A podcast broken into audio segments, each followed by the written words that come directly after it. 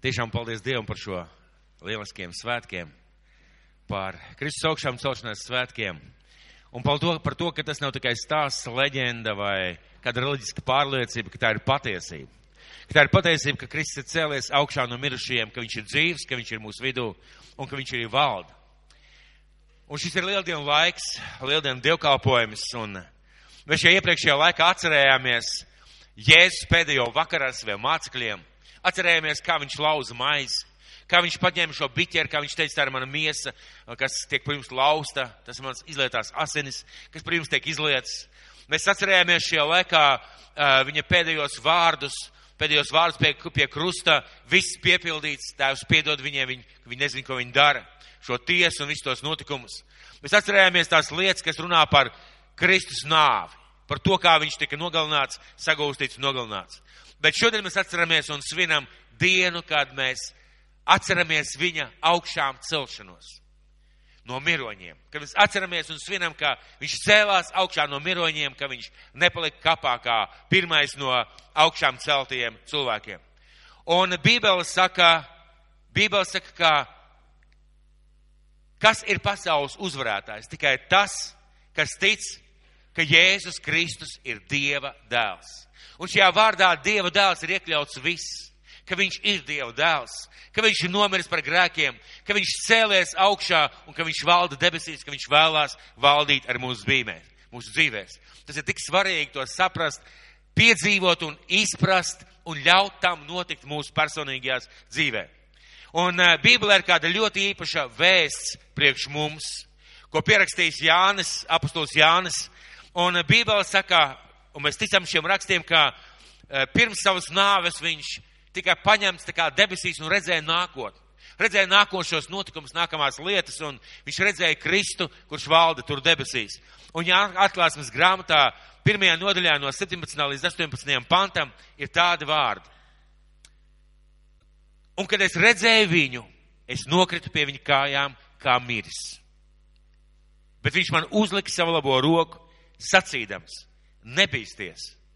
Es esmu pirmais un pēdējais un dzīvais. Dieva dēls saka, esmu pirmais, pēdējais un dzīvais. Es biju miris un redzi, es esmu dzīvs mūžu mūžam, un man ir nāves un elles atslēgas. Pirms visa, ko Jēzus parādīja Jānim par nākotni, viņš vēlreiz apstiprina un saka, tev ir jāzina. Esmu pirmais un pēdējais. Es esmu sākums un beigas. Es biju miris. Bet redzi, tagad esmu dzīvs. Un es dzīvoju mūžīgi mūžam un nekad vairs neaizienu no šīs pasaules. Esmu dzīvs un man pieder vara. Un šodien lieldienās ir jautājums, kur meklēt Jēzu. Šodien lieldienās ir jautājums, kur tad meklēt Jēzu? Kapā? Vai viņu meklēt nākotnē, kad viņš kādreiz nāks un parādīsies. Un dosimies uz Mateja evaņģēlī 28. nodaļu. Mateja evaņģēlis 28. nodaļa no 2. līdz 7. pantam mēs jau dzirdējām, bet izlasīsim vēlreiz kopā. Tad 2. Mateja evaņģēlis 28. nodaļa no 2. līdz 7. pantam. Un šeit priekšā būs arī vārdi.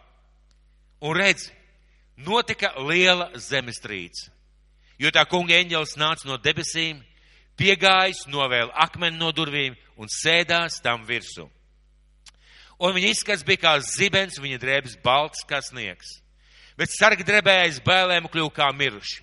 Bet eņģels uzrunāja sievas sacīdams, nebīsties, jo es zinu, ka jūs meklējat Jēzu Kristu krustā sisto. Viņš nav šeit, jo viņš ir augšām cēlies, kā viņš sacīs. Nāciet, un raugiet to vietu, kur viņš gulēja. Un ejiet, ejiet, es teikšu, un sakiet viņa mācekļiem, ka viņš ir no mirņiem augšām cēlies. Redzi, viņš jums pa priekšu noies uz Galileju, tur jūs viņu redzēsiet. Redzi, es jums to esmu sacījis. Ko eņģēlis patiesībā ar šiem vārdiem viņš pasaka? Saka, jūs meklējat Jēzu Kristu krustā sisto. Jūs viņu šobrīd šeit meklējat. Viņa šeit nav. Kāpēc viņš šeit nav? Kāds nozaga, kaut kur kļūdījāmies, viņš ir augšām cēlies. Nāciet šurp un skatieties to vietu. Un man personīgi ir pārliecība, ka šīs sievietes ieskatījās šajā vietā, ka viņas vienkārši tā nepalika uz tiem vārdiem, ka viņas skatījās, ka viņas redzēja tiešām, ka viņš šeit nav. Un jautājums ir, kur meklēt šodien Jēzu? Var Jēzu Kristu meklēt kapā? Jeb senajos stāstos, jeb senajos notikumos, un mēs pieminam un mēs izprotam Kristus nāvi. Mēs pieminam un izprotam viņa, viņa, viņa samaksu par mūsu grēkiem, viņa šausmīgās ciešanas, ko viņš piedzīvoja Golgāts krustā, bet, bet var skatīties uz Kristus nāvi nepārtraukti, skatoties atpakaļ uz to, ko viņš izdarīja, kā viņš nomira, kāpēc viņš cietās, cieta un atcerēties un atcerēties un atcerēties un sērot un pieminēt viņa nāvi. Un ir cilvēki, kas tā arī dzīvo, nepārtrauktās atmiņās, jeb leģendās, jeb sajūtās. Viņš nomira, viņš cieta, viņš augšām cēlās. To cilvēku pat nepiemin. Viņš nomira un viņš cieta. Un, ziniet, ir tāds simbols kā krusts, un ir, ir, ir cilvēki, kuri nesā tādu krustu, pie kura pie, pienaglots Jēzus Kristus. Viņa sen tur vairs nav. Tā nav patiesība, viņa sen tur vairs nav. Un var skatīties uz viņa nāvi, koncentrējieties uz to, ka viņš ir miris. Tas ir kā līdzīgi, kā skatīties uz cilvēka fotografiju ar lentīti. Ir cilvēki, kuru dzīvē aiziet tuvi cilvēki. Un ir labi, ka ir kādas fotogrāfijas, ir labi, ka tu atceries to cilvēku, bet ir cilvēki, kas noliek šo fotogrāfiju mājās, uh, sev pie gultas vai pie sienas un melna lentīti pārstūr un gadiem gadiem atcerās, dzīvo, pārdzīvo atmiņās, kā mēs dzīvojam, kā mums gāja, kā mums bija toreiz. Gadiem, gadiem, gadiem. Un, kad tu skaties šī cilvēka dzīvi, viņš nedzīvo šodienā, viņš dzīvo pagātnē. Viņš dzīvo pagātnes atmiņās. Tajos notikumos viņam nav tagadnes, viņam nav nākotnes, viņš dzīvo tikai pagātnē. Un ja mēs skatāmies uz Jēzu Kristu tādā veidā, kādas depresija, kādas sajūtas mūs pārņem, depresija, bezcerība, un mēs stāvam uz vietas. Tas ir līdzīgi kā atcerēties, ka kādreiz bija mamuti. Vai jūs ticat, ka kādreiz bija mamuti? Mēs viņu šodien šeit neredzam. Mēs zinām, viņi bija kādreiz, pareizi. Viņi kādreiz bija, vai, piemēram, lasīt sarkanajā grāmatā izmirušos dzīvnieku sarakstu. Un varbūt kāds mākslinieks vai fotogrāfs ir uzrakstījis vai nofotografējis pēdējo dzīvnieku. Un tu skaties, jā, bija kādreiz tāds dzīvnieciņš, bet tev nav doma par nākotni. Tev nav doma par to, ka šis dzīvnieks varētu atkal kādreiz tavās acīs parādīties. Ziniet, šāda sajūta, jeb Kristus meklēšana kapā ir līdzīga kā mūžīgā uguns. Jūs esat bijuši kādos memoriālos, zinat, jā? Ja? Mūžīgā uguns. Un tu stāv pie šī, šāda memoriāla, tur deg uguns. Un šī uguns pasaka, zini, kādreiz kāds nomira. Zini, kādreiz kāds cilvēks dzīvoja un nomira. Un ja mēs Kristu meklējam tikai atmiņās par viņa nāvi, par viņa, par viņa sāpēm, par viņa ciešanām. Mēs it kā dzīvojam tajās atmiņās, un tur mēs arī paliekam. Var meklēt viņu kapā, var meklēt atmiņās, bet ilgi tu tā nemeklēsi. Zini, kāpēc? Tāpēc, ka, ja tu tā turpinās meklēt, viņš nav realitāte tavā dzīvē. Tas bija kādreiz tur, toreiz. Mēs atceramies, mēs pieminām, bet viņš nav realitāte manā dzīvē. Un kas notiek? Viņš nav dzīves tavā ikdienā. Ko miris Dievs var man palīdzēt? Pat ja viņš nomira kā Dieva dēls, pat ja viņš nomira kā taisnais, pat ja viņš nomira par maniem grēkiem, ko viņš man šodien var palīdzēt? Miršais Dievs man nevar palīdzēt. Vajag atcerēties, ko viņš izdarīja. Vai atcerēties, ko tas viņam maksāja, bet mēs nepaliekam tajā. Un ziniet, ja jūs, ja jūs stāvētu pie kāda cilvēka kapa, un viņa tur sen vairs nebūtu, un jūs visu laiku skatītos tajā kapā un atcerētos, kā viņš bija, ko viņš darīja, kāds viņš bija, vienā brīdī jūs viņu tur ieraudzītu. Es nedomāju tīri fiziski, bet jūs paliktu pie tā kapa piekalts. Un tas, ko eņģēlis saka, nepalieciet šeit pie kapa. Viņa šeit nav. Viņš ir augšām cēlies un viņš ir dzīves debesīs mūžīgi. Tas nozīmē, ka mums nevajag Jēzu meklēt tikai atmiņās par to, ko viņš kādreiz ir darījis. Bet, ziniet, var meklēt Kristu, var meklēt debesu, Dieva dēlu, meklēt debesīs un nākotnē. Tas jau izklausās labāk, pareizi. Bet viņi var mēģināt meklēt nākotnē kādreiz nākotnes formā. Un es gribētu jūs vest, ja dosimies uz apstuļu darbu grāmatu. pirmo nodaļu, pirmo nodaļu no 6. līdz 12. pantam. Ja es ar augšām cēlies, viņš jau 40 dienas ir bijis kopā ar saviem mācekļiem. Viņš gatavojās aiziet, viņš dod pēdējās pavēles, un eh, sākot no 6. līdz 12. pantam. Tad tie, kas bija kopā, viņam vaicāja, kungs, vai tu šī laikā atkal uzcelsi Izrēlam valstību? Viņš tiem atbildēja, nav jūsu daļa zināt laikus vai brīžus, ko tēvs noliec savā pašā varā, bet jūs dabūsiet spēku, kad svētais gars būs nācis par jums, un būsiet mani liecinieki kā Jeruzalemē, tā visā Jūdijā un Samarijā, un līdz pašam pasaules galam. To sacījis, viņš tiem redzot tika pacelts. Padebesis viņu uzņēma prom no viņu acīm. Kad tie viņam aizejot, cieši skatījās uz debesīm. Lūk, pie tiem stāvēja divi vīri baltās drēbēs. Tie sacīja, galilieši, ko jūs stāvat skatīdamies uz debesīm? Šis Jēzus, kas uzņems prom no jums debesīs, tāpat nāks, kā jūs viņus redzējuši, debesīs aizējam. Tad viņi griezās atpakaļ uz Jeruzāmu no kalna, ko sauc Eļas kalnu. Var skatīties un meklēt Kristu nākotnē. Var dzīvot nākotnē.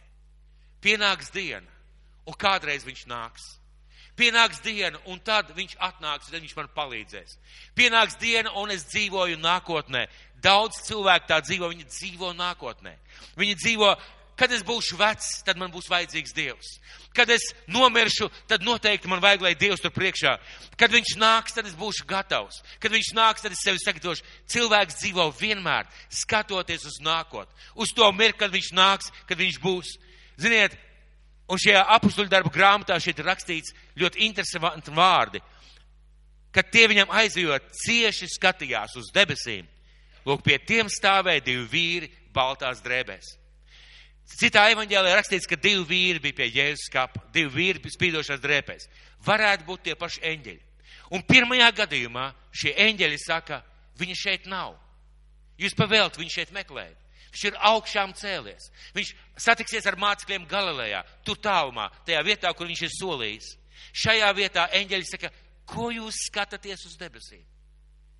Viņi tik cieši skatījās uz debesīm, mēs varam iedomāties apustuļus ar atvērtām mutēm Nu, ne katru dienu Jēzus paceļās debesīs, pareizi. Bet acīm redzot, šie vārdi tik cieši nozīmē, ka visas cerības, visa, visa tā kā sajūsma, visas izjūtas ir tur augšā, tajā kā Jēzus paceļās debesīs un var Jēzu Kristu meklēt nākotnē. Var meklēt viņu nākotnē, tajā mirklī, tajā laikā, kad kādreiz viņš būs, kādreiz atnāk, kādreiz valdīs. Jā, viņš tur ir. Viņš tur ir debesīs. Jā, viņš tur reāli, viņš ir reāls. Viņš sēž pie Dieva labās rokas. Jā, vienu dienu viņš nāks otrais uz šīs zemes. Jā, vienu dienu viņš nāks. Bet tad jau mums iznāk, ziniet, tā kā pensionāriem. Ja mēs tā skatāmies uz Kristus augšām celšanos, tad iznāk kā pensionāriem. Vai senioriem. Vismaz kādu laiku atpakaļ es biju Kanādā, daudz gadus atpakaļ, un man pārsteidza viens stāsts. Ziniet, mūsdienā, mūsu pensionāri tajā laikā varbūt kāds saistīja. Es tik daudz vecākus cilvēkus nepazinu. Bet tas stāsts, ko es dzirdēju pie viņiem, dienu no dienas ciemojoties bija. Mēs pelnījām naudu, mēs krājām naudiņu, mēs, mēs taupījāmies, mēs strādājām rūpīgi. Pienāks pensija, tad gan. Pienāks pensija, tad gan dzīvosim. Pienāks pensija, būs naudiņa, tad gan braukāsim, tad gan ceļosim, tad gan izbaudīsim un pienāk pensija, un tad gan nepienāk. Pensija pienāk, bet tad gan nepienāk. Jo ir jau veselības problēmas, ir jau grūtības problēmas, ir vēl kādas citas lietas. Tas nozīmē, ka mēs nevaram kā pensionāri skatīties nākotnē. Un ziniet, apusteļi tik ļoti skatījās debesīs, ka Dievs ir spiests sūtīt divus eņģeļus, lai, viņiem, lai viņus apstādinātu, pateikt, paga, paga, paga, neskatieties, viņš atnāks. Jums ir kaut kas cits darāms. Uz jums attiecās kādi citi vārdi, ko Jēzus teica priekš jums. Un ziniet, mīļie draugi, mēs varam. Mēs varam skatīties nākotnē un gaidīt Kristus atnākšanu. Bet šodien, ja mēs tā skatāmies, tad tu atliec savu dzīvi uz nākotni. Tad tu atliec savu dzīvi uz nākotni. Nākotnē Dievs mani mīlēs, un es viņu mīlēšu. Kad? Nākotnē. Nākotnē Dievs man kalpos un palīdzēs. Kad? Nākotnē. Nākotnē Dievs mani vedīs kaut kur, un es viņam sekošu. Kad? Nākotnē. Skatīties uz debesīm tikai nozīmē nākotnē. Vai Jēzus tā grib? Vai Jēzus ir jāmeklē tikai debesīs? Vai Jēzus tā grib? Un ziniet, kas ir interesanti? Es saņēmu tādu interesantu atklāsmi. Cilvēks savā dzīvē var savienot abas divas šīs lietas. Kristus nāvi, Kristus ciešanas, Kristus kapu un Kristus otro atnākšanu un to, kad viņš valdīs. Un savienot tik cieši kopā, ka dzīvē šodien ar Dievu nav vietas. Savienot šīs divas domas, ka viņš nomira, viņš samaksāja un ka kādreiz viņš nāks un kādreiz būs tik cieši kopā, ka pa vidu nav vietas. Bet tā kā mēs šos abas divas lietas pastumjam malā, kas paliek pa vidu? Kas paliek pa vidu starp nāvi un kas paliek pa vidu starp viņa atnākšanu? Un dosimies atkal uz Mateja evaņģēliju. 28. nodaļu, 16. līdz 20. pants. Mēs jau dzirdējām, bet rasīsim vēlreiz. Bet viņi 11 mācekļi nogāja uz Galileju, uz to kalnu, kur Jēzus tiem bija pavēlējis. Kad tie viņu redzēja, tie nokrita viņu priekšā ceļos, bet citi šaubījās. Un Jēzus piegāja pie tiem, uzrunāja tos sacīdams man ir dota visa vara debesīs un virs zemes. Tāpēc ejiet un dariet par mācekļiem visas tautas, tās kristīdami tēva, dēla un svētā gara vārdā. Tās mācīdami turēt visu, ko es jums esmu pavēlējis. Un tagad skatieties un redzi, es esmu pie jums ikdienas līdz pasaules galam. Tad lūk, šis te pa vidu starp nāvi un viņa otro nākšanu ir šis mirklis ikdienas. Un jautājums ir, vai mums ir šī saprašana un atklāsme, ka Jēzus ikdienas ir mūsu vidū. Ka viņš ikdienas ir mūsu vidū, mūsu grūtībās, mūsu ciešanās, mūsu sāpēs, mūsu problēmās, mūsu uzvarās, mūsu priekos, mūsu bēdās. Ko viņš saka, es esmu jūsu vidū ikdienas un viņš vēlās būt klātesošs mūsu dzīvē katru dienu. Katru dienu. Tas tas, ko Jēzus principā pateica saviem mācekļiem uh, pēc savas augšām celšanās. Jā, viņš nomira, viņš samaksāja. Mēs to atceramies, un tur ir mūsu uzvara. Jā, viņš nāks otrais, viņš ir uzvarētājs, viņš ir Dieva dēls, viņš ir debesīs pie debes tēva. Tajā pašā laikā tas, ko viņš pasaka pa vidu mūsu dzīvei, es esmu ar tevi ikdienas, līdz pašam pasaules galam. Tas nozīmē, ka tev ir kāda problēmas un grūtības, viņš ir blakus. Kad tev ir kaut kādi jautājumi, viņš ir blakus, viņš vēlās būt blakus tavā dzīvē. Viņš vēlās to. Viņš būt, grib būt klātsošs katru dienu mūsu dzīvē. Un Bībelē tāds, tāds, tāds, tāds, tāds pants iepazīst to kungu visos savos ceļos. Ko tas nozīmē? Tas nozīmē, ka Dievs vēlās, lai es viņu iepazīstu visos savos ceļos. Ja es šodien dzīvoju 21. gadsimtā, šajā laikā, 21. aprīlī, tad kā es varu to kungu iepazīt, ja es skatos tikai uz to pagātni? Un kā es viņu varu iepazīt, ja es skatos tikai uz nākotni? Viņš man ir jāiepazīst šodien, un man ir jāļauj, lai viņš ir kungs manā dzīvē šodien. Un ziniet ko? Es jums teikšu tā, no dzīves šodien ir atkarīga tava dzīve mūžībā. No tā, kā tu dzīvo šodien, ir atkarīga tava dzīve mūžībā. Un nav svarīgi, kā mēs domājam. Nav svarīgi, kā mēs skatāmies uz viņu kā uz svēto Dievu dēlu debesīs vai uz um, upuru cietēju jēru, kas, kas nomira Golgāts. Nav svarīgi, kā šodien mēs dzīvojam ar viņu un vai viņš ir mūsu dzīvē. No tā ir atkarīgs, kā mēs dzīvosim mūžībā. No tā ir atkarīgs tas, kā būs mūsu nākotne. Tas ir iespējams, un tā mums arī vajadzētu dzīvot ar viņu katru dienu. Mums ir jāmeklē viņš pats, viņa griba, viņa palīdzības savā ikdienā. Jēzus teica tādus interesantus vārdus, ja mēs domājam par to šodienu. Viņš teica, ja jūs mani mīlat, ja jūs mani mīlat, un mēs varam teikt, Jēzus, mēs tevi mīlam, tu nomiri par maniem grēkiem, tu samaksāji. Jā, Jēzus, es tevi mīlu, tu esi debesīs pie tēva, tu esi Dieva dēls, tu kādreiz nāks pēc, mani, pēc manis. Bet, ja es saku, ja jūs mani mīlat, turiet manas pavēles šodien. Šodien viņš vēlās būt kopā ar tevi un ar mani. Turiet manas pavēles. Es domāju, ka daudz no mums atcerās dažādas kalambūrus no skolas. Un viens no kalambūriem, tā viņus laikam sauc, toreiz arī tagad, ir kāds kalambūrs, ko es ļoti bieži atceros un kurā ir dziļa nozīme un dziļa jēga. Es domāju, ka daudz, kad es viņu tagad tūlīt pateikšu, daudz no jums viņu atcerēsies. Dzīvo dzīvē, dzīvu dzīvi. Dzīvām dzīvē, dzīva dzīve. Ieklausieties šajos vārdos. Dzīvo dzīvē, dzīvu dzīve, vēlējums. Jo tam, kas tā dzīvo, jo dzīvam dzīvē, dzīva dzīve. Atcerieties, ja šodien Kristus nav tavā dzīvē, tev nav dzīves dzīves ar Dievu. Ja šodien Kristus nav katru dienu tavā dzīvē, neatkarīgi no tavas situācijas, tev nav dzīves dzīves ar Dievu. Kur šodien meklēt Kristu? Mums nav viņš jāmeklē kapā. Un mums nav viņš jāmeklē tikai nākotnē. Viņš ir jāmeklē šodien šeit, mūsu ikdienā. Vai viņu var sastapt? Jā, viņu var sastapt. Tāpēc viņš arī nomira, tāpēc viņš arī cēlās augšā, tāpēc viņš pie Dieva labās rokas, ka viņš pateica, es esmu kopā ar jums līdz pašam pasaules galam. Ko tas nozīmē? Tas nozīmē, ka ja es viņu ielaižu savā dzīvē, viņš ir kopā ar mani, manā ikdienā, manā dzīvē, manās problēmās un manās vajadzībās. Un vēstulē ebrejiem vēl tādi interesanti vārdi. Vēstulē ebrejiem 13. nodaļa, 5. 6. pants. Jo viņš pats ir sacījis, es tevi neatstāšu un tevi nepamatīšu. Tā ka mēs droši varam sacīt, tas kungs ir mans palīgs, es nebīšos, ja Kristus ir manā dzīvē šodien.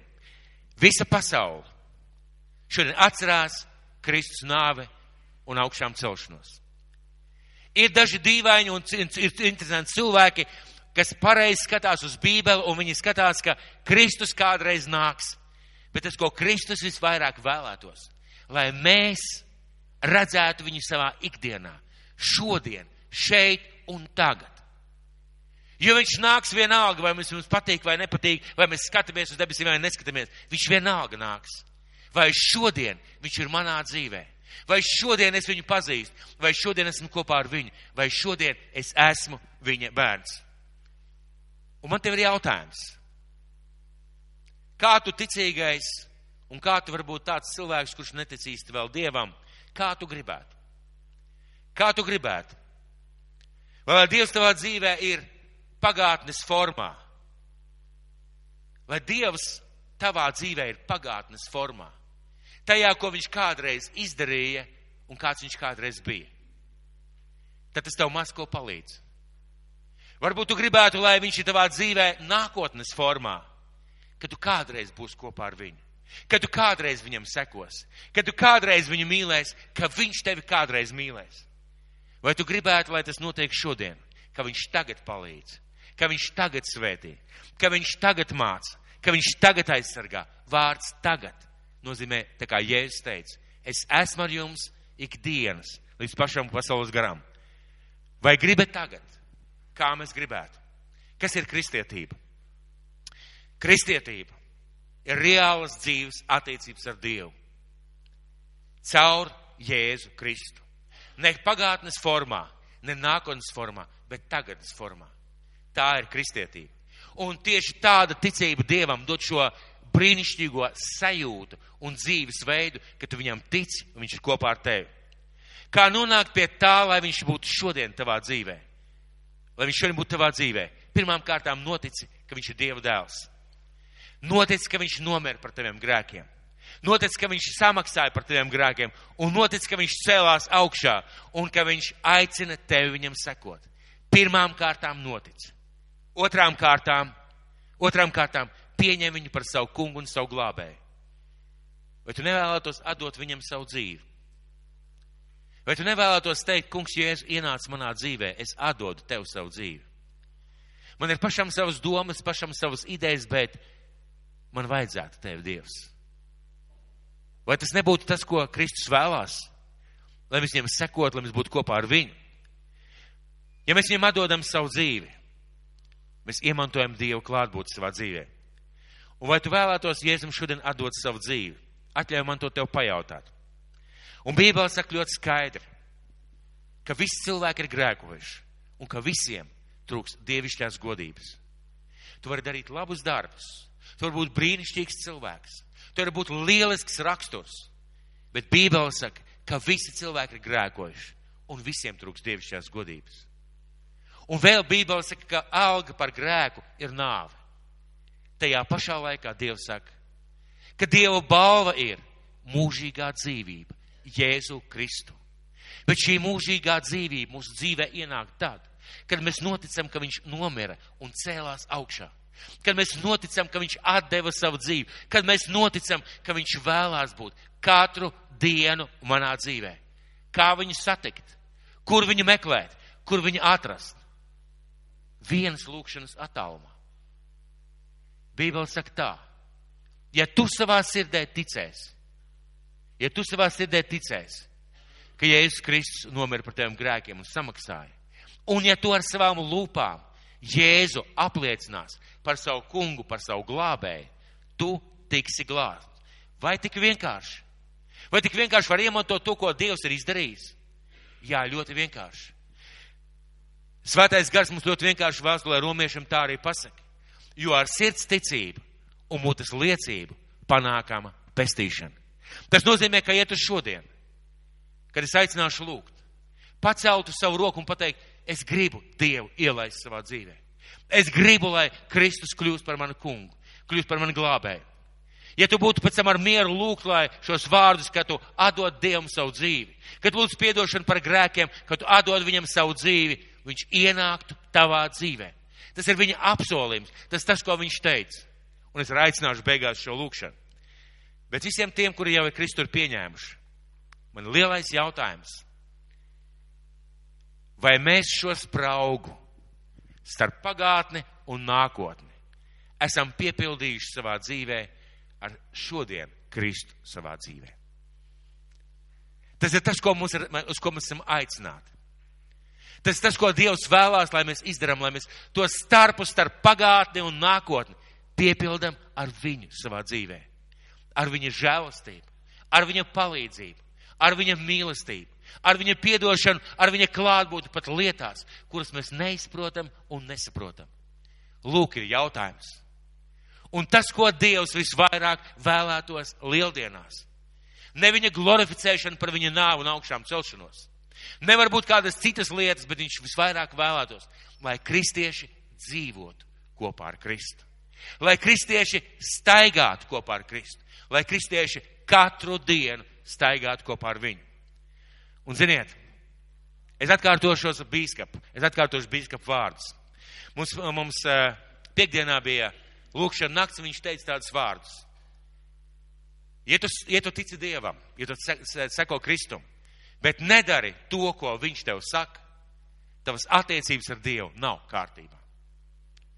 Ja tu tici, ka Dievs ir un ka viņš ir tavs glābējs, Bet ja tu nedari to, ko viņš tev saka, tavas attiecības ar viņu nav klāta kārtībā.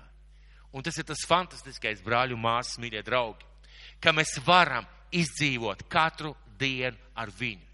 Ka mēs varam katru dienu ar viņu staigāt, ka mēs varam piepildīt viņa gribu savā dzīvē, ka mēs varam ieraudzīt, kā mūsu dzīvē veidojās lietas caur viņu, bet tās lietas, kas ir mūsu dzīvē svarīgas.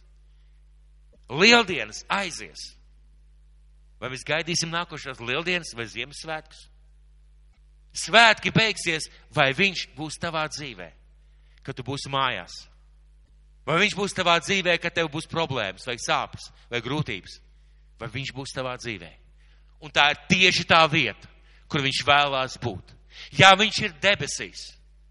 Jā, viņš bija kapā, bet tava dzīve ir tā vieta, kur viņš vēlās būt. Tava dzīve ir tā vieta, kur viņš vēlās tev palīdzēt, tevi dziedināt, tevi stiprināt, tevi svētīt.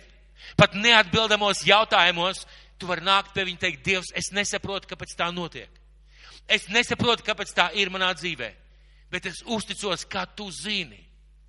Jo tu esi klāt. Tu pats teici, ka tu esi kopā ar mani ikdienas līdz pašam pasaules galam. Ziniet, tas ir tā, ka tu atdod Dievam savu, savu dzīvi uh, Dieva rokās. Mums svētdien bija fantastiski, piekdien bija fantastiska lūkšana nakts. Un šajā klusajā laikā man bija satikšanās ar Kristu. Nē, nē, es viņu neredzēju. Man prātā, man tā kā, manā iztēlē bija kāds tēls, kuram es burtiski paņēmu kādas lietas un ieliku rokās. Es burtiski kādas lietas paņēmu un bija izstieptas rokas un es burtiski ieliku viņa rokās. Un tieši tā viņš arī vēlās. Lai mēs savu dzīvi ieliekam viņa rokās. Vai mēs esam stipri, vai mēs esam vāji, vai mēs esam gudri, vai mēs neesam tik gudri.